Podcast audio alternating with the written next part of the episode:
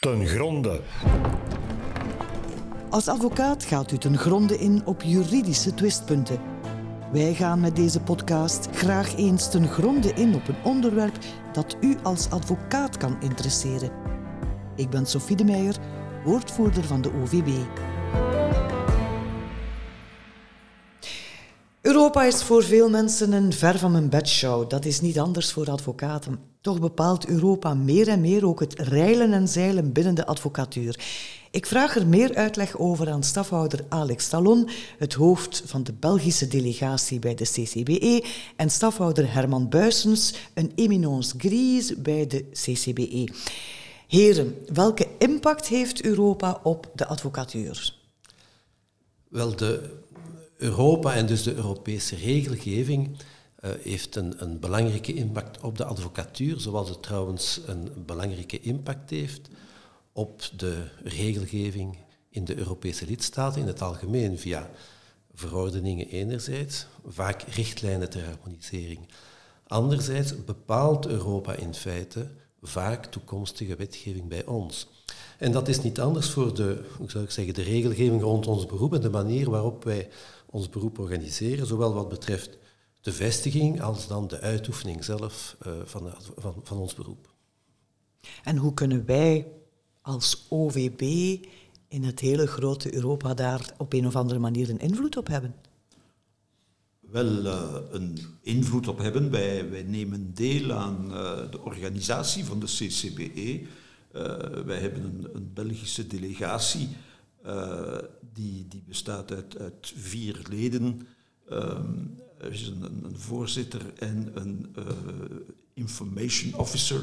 En dan twee gewone leden, laat ons zeggen. En het zijn vooral de voorzitter en de information officer die een belangrijke rol spelen doordat zij deelnemen aan de uh, standing committees en de algemene vergadering van de CCBE. En uh, naar hoe de Belgische gewoonte zijn de functies verdeeld tussen OVB en OBFC. Gedurende twee jaar is uh, het delegatiehoofd een lid van OVB en de volgende twee jaar is het dan een lid van uh, OBFC en wordt de rol van information officer waargenomen door de andere taalrol. Ja, dus, maar die invloed van de OVB op, de, op, op Europa en de Europese regelgeving, kan natuurlijk ook gebeuren, hoe zou ik zeggen, via de nationale instanties, de bevoegde ministers, hè, die uiteraard hun zeg hebben in de Raad van Ministers. Um, en dat gebeurt misschien ook niet voldoende, omdat er misschien niet voldoende informatiedoorstroming is vanuit het Europees niveau naar dan uh, de, de lidstaten en dan de echelons onder de lidstaten. Uh, daarom is die rol van de, van de CCB belangrijk, omdat de CCB ook die informatiestroom mogelijk maakt uh, en dat men dus dan als delegatielid, delegatiehoofd, inderdaad de, ja, de verschillende uh, information papers, white papers, green papers en, en, noem maar op, uh, die worden ter kennis gebracht. Daar wordt ook een reactie op gevraagd. Maar die reactie wordt soms gevraagd van de CCB en tegelijkertijd van de lidstaten. Dat gebeurt dan ja, via, via de regeringen zelf en via de nationale lidstaten. Um, en op die manier kan, langs die twee kanten, kan de OVB wel invloed hebben, maar via de CCB en via de CCB-delegatie is natuurlijk wel een belangrijk instrument, omdat zij regelmatig worden uh, geraadpleegd, gevraagd, om reactie worden gevraagd van de, van de bevoegde commissarissen die met een bepaalde nieuwe initiatieven belast zijn of daar ideeën uh, rond willen hebben. En daar is het dan cruciaal van tijdig hè, te kunnen te kunnen tussenkomen waar we zouden vaststellen, dat gebeurt helaas te veel misschien in sommige regelgevingen, zoals de anti-wit was, waar onze basiswaarden dan op het spel zouden staan. The CCBE represents the national professional organisations of lawyers, namely the bars and law societies of 45 European countries. Zo net liet ik een fragmentje horen uit de video van en over de CCBE die de OVB op maandag 16 mei via LinkedIn verspreidde. U liet de term al verschillende keren vallen, ik ook. CCBE, het letterwoord dat u af en toe ook eens ziet verschijnen in een nieuwsitem op het privaatluik of in Orde Express. Het staat voor The Council of Bars and Law Societies of Europe, de Raad van Europese Balies, zeg maar. Een beetje het Europese equivalent van de OVB. Elke Europese lidstaat heeft een delegatie in die raad, daar had u het al over. Bijkomend zijn er in die raad nog verschillende niet-EU-landen vertegenwoordigd. Landen die de Europese waarden ook genegen zijn, zoals het Verenigd Koninkrijk of Albanië.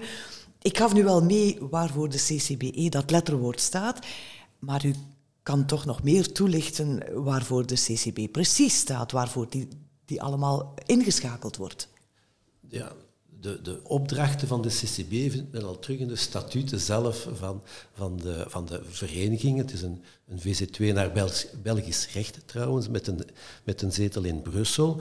Het heeft ja, verschillende opdrachten. Een ervan is ervoor te zorgen dat men tot ook gemeenschappelijke ehm, Europese regels komt in verband met deontologie voor de advocatuur en bepaalde dus beroepsregels. En, en, en, de andere belangrijke opdracht is ook van de, ja, de Europese regelgeving, maar niet alleen van de Europese Unie, maar ook van de Europese Raad. Dus men toch ruimer, je hebt het zelf gezegd, dus er zijn meer dan 27 uh, eh, balies die lid zijn van de CCB. Daar ook dus de, uh, een, een, zekere invloed te kunnen uitoefenen daarop. En dan een derde belangrijk uh, element is de verdediging van de rechtsstaat. Van de democratie kan men zeggen, dus van de, van de rechtsstaat en van de mensenrechten in Europa en ook buiten Europa, waar ook de CCB invloed wenst uit te oefenen op uh, de eerbiediging van de rechten van de verdediging en van de, van de defense of de defense, zoals men dat noemt.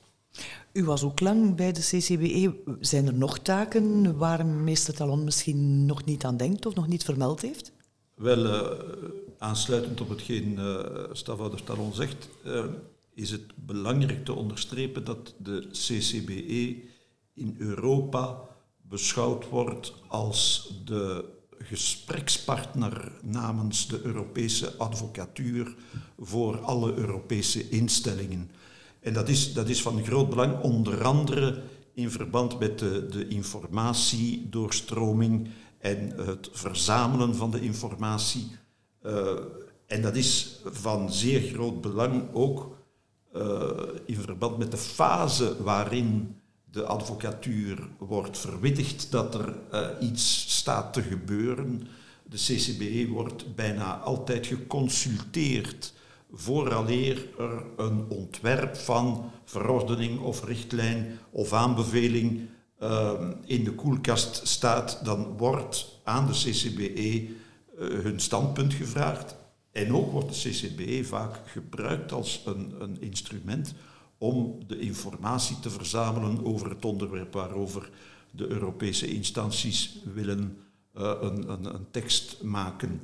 Uh, en in die zin uh, denk ik dat de CCBE veel dichter staat bij al die Europese instellingen dan de OVB dat zelf rechtstreeks kan doen. We mogen ook niet vergeten dat er binnen de CCB ook een aantal vaste stafleden zijn. Dat zijn allemaal juristen van hoog niveau. En die, die uh, lobbyen, die hebben hun contacten met al die uh, Europese instanties. En die kunnen dus ook informele uh, informatie krijgen die, die anderen niet, die ook wij als delegatie niet kunnen krijgen, maar die zij wel hebben. En die ze ons dan op een gebundelde manier voorleggen om daar uh, ja, verder gevolg aan te geven. Met welke belangrijke zaken is de CCBE momenteel bezig? De CCB is altijd met een, een, een hele reeks onderwerpen bezig als men de agendapunten bekijkt van de, van de, de standing committee of van de plenary session. Maar als we dan misschien eh, heel specifiek uh, kijken naar zaken die de advocatuur heel direct, heel rechtstreeks aanbelangen.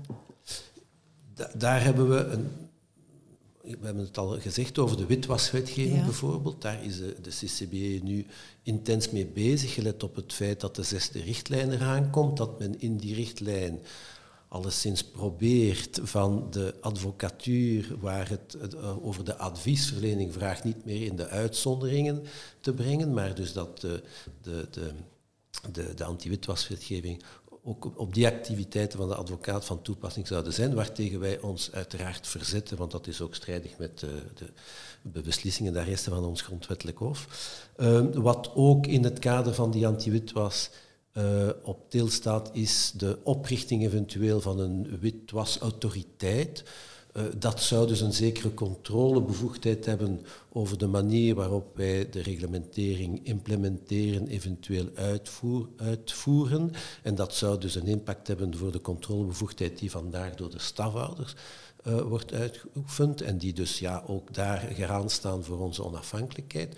Dus dat zijn natuurlijk wel zeer belangrijke onderwerpen en vandaar dat het belangrijk is dat men dat volgt, niet alleen binnen de delegatie, maar dat ook de Vlaamse advocaat daarmee toch bekommerd is. Want ja, op, op welk niveau men ook mogen zijn, het is altijd wel belangrijk dat men, men vaststelt dat die uitdagingen die er zijn en die voor ons natuurlijk ook een negatieve impact kunnen hebben op de uitoefening van het beroep, die worden natuurlijk wel geregeld in Europa, maar Europa staat toch niet helemaal zomaar boven de, de, nationale lidstaten. Men heeft uiteraard ook parlementariërs, Europese parlementariërs, die daar op een bepaald ogenblik ook hun, zeggen hebben. En die hebben ook hun netwerken en contacten binnen het parlement en binnen de commissie. Dus die, die, die beïnvloeding, of die, die gunst, die constructieve beïnvloeding, dat is, het is niet iets dat negatief is, die moet er denk ik komen van, van, van alle mogelijke niveaus. En vandaar dat het ook belangrijk is dat men als Vlaamse advocaat in het algemeen zich toch daarover, uh, zich, dat men daarmee geconfronteerd wordt, dat men die informatie opneemt en dat men, men probeert te doen wat er moet gebeuren om daar ervoor te zorgen dat onze basiswaarden blijven beschermd worden. Men heeft daarnaast een andere grote uitdaging dat is wat, wat directoraat-generaal Grauw op ons afstuurt in verband met de zelfregulering, maar dat is ruimer dan de advocatuur, dat wel eens de vrije beroepen in het algemeen, waar men zou vaststellen op basis van economische studies dat de, de zelfregulering een negatieve impact zou hebben ten opzichte van de consument, het prijskaartje uh, van, van de dienstverlening wat wij enerzijds betwisten en waar, we ook, waar er in feite geen oog is voor de kwaliteit van die dienstverlening, die wij toch ook als, als beroepsorde waarborgen naar de consument toe. Vandaar de, de beroepsopleidingen, de permanente vorming en zo verder. Dat zijn toch allemaal garanties ook van kwaliteit. Dat wordt van tafel geveegd door DJ Grow en die kijken op basis van betwistbare uh, economische studies, dus het, het, het finale prijskaartje zengende, het zou, het zou beter kunnen. Het kan natuurlijk altijd wel beter, maar met, het moet geen reden zijn om die onafhankelijkheid van onze beroepsgroep op die manier in gevaar te brengen. Want, uh, en wij moeten daar aantonen dat wij inderdaad van de vrije beroepsuitoefenaars, en we hebben respect voor iedereen, dat de advocatuur daar toch een bijzondere plaats inneemt omwille juist van onder meer artikel 6 van het Verdrag voor de Rechten van de Mens, de toegang tot de rechter en de onafhankelijkheid en de vertrouwenspersoon die de advocaat ook moet zijn ten opzichte van de consument en de, en de rechtszoekende. Mm Het kwam al aan bod in het slotdebat op het OVB-congres, 29 april dat, uh, dat er toch wel wat zorgwekkende tendensen zijn die vanuit de OVB ook overgemaakt zijn aan Europa. Zorgwekkende tendensen die zich in ons land binnen de advocatuur voordoen. Waarover ging het dan specifiek? Dat is via Europa. Je hebt een scoreboard for justice, maar daarnaast uh, heeft men ook dus sinds twee jaar nu de Rule of Law Report. Daar wordt aan de lidstaten door DG Justice gevraagd van te zeggen hoe het staat met de onafhankelijkheid van justitie in hun land, hoe het staat met um, de efficiëntie van justitie, met het respect van de rechtsstaat uiteraard voor de rule of law. Um, en daar wordt dan ook de CCBE over geraadpleegd. En de CCBE verwacht dan van elke delegatie ook een nationaal verslag. En dat wordt natuurlijk wel opgesteld, ook uh, in overleg met, uh, met, met bevoegde personen binnen de OVB en ook de voorzitter. En wij hebben daar onder meer aangeklaagd, en dat is dan wel aan bod gekomen in het uiteindelijke verslag. U weet wel, die uh, afluisterpraktijken, denk hopelijk een marginaal afluisterpraktijk in een van de politiecommissariaten uh, in het kader van Saldus verhoren, waar dus de advocaat met de cliënt in die colloque singulier werd, werd afgeluisterd. Dat kan dus niet, dat werd daar aangeklaagd. Wat men ook aanklaagt zijn de doorlooptijden van procedures die in, in België een beetje afschrikwekkend lang zijn, soms, in sommige gevallen toch. En die ook met een, een zeker gebrek aan digitalisering ervoor zorgen dat het een beetje wat betreft dus de toegang tot de rechter en, en, en uiteindelijk ook ja, het, recht dat men heeft toch op een, een rechtelijke beslissing, dat dat een beetje in het gedrang komt. Dat zijn zaken die men aanklaagt. Um, er zijn ook zaken die men aangeklaagd heeft in verband met het gevangeniswezen. Maar ja. Ik, ik denk ook uh, zeer bijzonder aan, aan ons beroepsgeheim, uh, dat, dat extreem onder druk staat ten gevolge van uh, de, de drang van DG Growth om de vrije markt en de vrije concurrentie volledig aan beloop te laten. En men beschouwt het beroepsgeheim een beetje als een hinderpaal. We zien dat ook in de anti-witwasregeling, maar ook in het algemeen beschouwt men dat als een hinderpaal voor de transparantie van de eh, contacten binnen de, de, de vrije markt.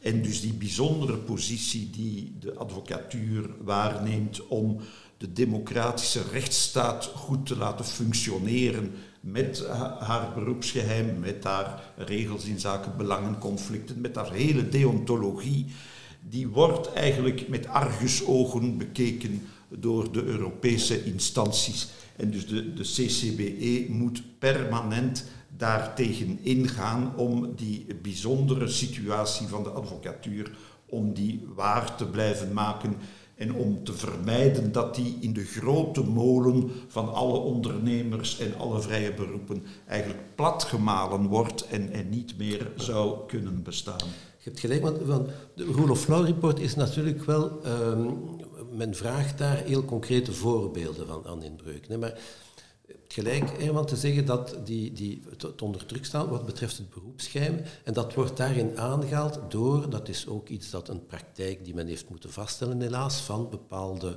gerechtelijke instanties of onderzoeksrechters die meer en meer de advocaat zelf in het geding of in, de, even in het strafonderzoek gaan betrekken. Uh, niet zozeer omdat ze veel feitelijke elementen hebben tegen die advocaat, maar gewoon om ervoor te zorgen dat ze toegang krijgen tot zijn dossier en dat hij dan zelf, om zich te verdedigen, zijn beroepsgeheim moet prijsgeven. Dat is een tendens die toch de laatste jaren, en onder meer in Antwerpen, weet ik Herman, inderdaad ja. aan het licht gekomen is en waar, denk ik, de OVB ook regelmatig tegenop komt en wat ook dan meegegeven wordt naar de, de commissie. Wat de commissie daarmee, enfin, wat DJ Justice daarmee doet, dat is nog iets anders, dat is het in kaart brengen van, en ja, het is al een jaarlijks verslag, het is een begin, en uh, ik vermoed dat daar dan, ja, voor sommige landen heeft dat wel andere gevolgen. Voor Polen en Hongarije bijvoorbeeld, heeft, uh, die, hebben daar dan, die worden wel geconfronteerd met iets anders dan, dan wij. Uh, we kunnen zeggen dat globaal de rechtsstaat in België toch wordt geëerbiedigd, maar dat neemt niet weg ja, dat als er bepaalde zaken gebeuren, dat we die als advocatuur zeker moeten aanklagen. Maar u gaat er dan ongetwijfeld mee akkoord dat ik nog eens een warme oproep lanceer naar alle advocaten die zich door het Openbaar Ministerie, een onderzoeksrechter of om het even welke andere partij onder druk gezet voelt, dat zij dat kunnen melden aan de OVB. Want dan kan de CCBE ervoor zorgen dat dat wordt opgenomen in dat uh, Europese rapport uh, over de rechtsstaat. Wij moeten natuurlijk over die informatie kunnen beschikken om dat nadien ook mee te geven. Mm. Hè. Indien er niets gezegd wordt, dat is dan het probleem. Dan, komt dat niet, uh, dan kan dat ook niet in dat verslag terechtkomen. Ja. Ja. We gaan nog eens dieper ingaan op ander werk van de CCBE. Er is ook een expertencomité momenteel in de weer voor het opmaken van een Europese conventie over het beroep van de advocaat. Zijn ze daar nu echt volop mee bezig? Hoe ver staat het daarmee? Wel, de Europese conventie is een instrument, dacht ik, dat al sinds 2018 door de Algemene Vergadering van de Raad voor Europa werd voorgesteld aan het hoogste orgaan, comité van ministers binnen de Raad voor Europa. En die hebben daar, die, ja, dat, is altijd, dat is altijd veel steun gekend van de CCBE, ook van de OVB trouwens, en ook van onze verschillende ministers van Justitie sindsdien, die altijd gezegd hebben dat ze dat gesteund hebben. Daar is op een bepaald ogenblik een, een voorafgaande studie over geweest. En nu is men een stap verder door, de, door een, een, een comité van experts te hebben opgericht van 15 leden, waaronder helaas geen Belgen. Maar ja, we zitten daar wel via de CCBE toch ook als observator. Maar in die 15 zijn er wel een aantal leden van de CCBE die ook actief zijn binnen de algemene vergadering van de CCBE, die dus uh, deel uitmaken van dat uh, expertencomité. Die, belast, die zijn belast met het, het, het redigeren, de redactie van het uiteindelijk instrument. En het laatste wat ik daarvan gehoord heb, en dat was op de algemene vergadering van Dublin vergeet, ver, vorige week, is dat die experten samen akkoord zijn om te zeggen dat het een bindend instrument zou moeten zijn en geen vrij, vrijblijvend instrument. Wat natuurlijk denk ik ook wel belangrijk is. Maar het is dus, voor alle duidelijkheid, het is een, een conventie die binnen de Raad van Europa tot stand zou komen. Dus niet uh, binnen uh, de Europese Unie. Mhm. En uh, ja, de, de, de, de, regelgeving daarin is toch wel een beetje anders in de zin dat als die conventie tot stand komt, dan gaat die niet van rechtswege van toepassing zijn in al de lidstaten van de Raad van Europa. Dan moeten die lidstaten daar toetreden aan die conventie. Dus het is nog, nog geen eh, gewonnen strijd, maar het is van, van groot belang. En, en zeker voor de lidstaten waar de rechtsstaat in gevaar is, zoals Polen, Hongarije en dergelijke. Dat zijn degenen die heel erg hebben aangedrongen op de, de totstandkoming van een Europees verdrag omdat we niet mogen vergeten, en we hebben dat al gezien, dat in dat soort landen als dat statuut van de advocaat en de rechten van de advocaat opgenomen zijn in een wet. Ja, een wet kan men gemakkelijk wijzigen. Ja. En een grondwet kan men ook nog altijd uh, gemakkelijk of redelijk gemakkelijk wijzigen. Maar een verdrag is, is, is wat anders natuurlijk. Dat eenmaal men daar, daar toetreedt, kan men dat niet meer wijzigen. En dus de juridische waarde van zo'n verdrag, ook vanwege eh, de impact op eh, de, internationale situatie is veel groter dan een vermelding in een of andere grondwet. En, en dat is de reden dat uh, daar nu zo hard wordt voor gestreefd. En de CCPE heeft daar een, een belangrijke rol in. De, de, de rapporteur van de, het Europees Parlement, dat was mevrouw uh, Sabine Batteux, die een, een, een confrater, uh, die, die wij rechtstreeks vanuit de CCBE ook hebben gecontacteerd om uh, die, die tekst van de conventie in de juiste richting te sturen. Mm -hmm. Dus we kunnen zeggen dat de CCBE en, en de OVB onrechtstreeks via de CCBE daar toch wel ja, dus, een, een, vinger in de pap heeft. Gewezen voorzitter Jansen zit trouwens in de commissie of in de werkgroep bij de CCBE. Het is een, een, een punt van zorg, eh, constant, ik zou zeggen, het transversaal in, in alle commissies en onderwerpen die aan bod komen. Dat is die onafhankelijkheid en dat beroepsgeheim. Dat is iets dat we. En dat zijn dingen die voor u zeker in dat verdrag moeten verankerd dat, worden. Dat is natuurlijk, ja, dat, dat is belangrijkste dat, dat wat het zijn, de, kern, de kernbepalingen van mm -hmm. dat verdrag. En we blijven, ik zeg dat de CCW dat is een constante zorg. Nu is er ook een oproep van de Franse delegatie dan, omdat er de, voorzitterschap bij, bij Frankrijk ligt op dit ogenblik, om een, een, een soort verklaring, die zou in Wenen getekend worden uh, in de loop van de maand juni, verklaring van alle uh, CCBE-leden, uh, om dus de aandacht te trekken ook op de garanties die uh, moeten verbonden worden aan de uitoefening van het beroep van advocaat uh, in Europa en elders trouwens, en niet alleen in Europa.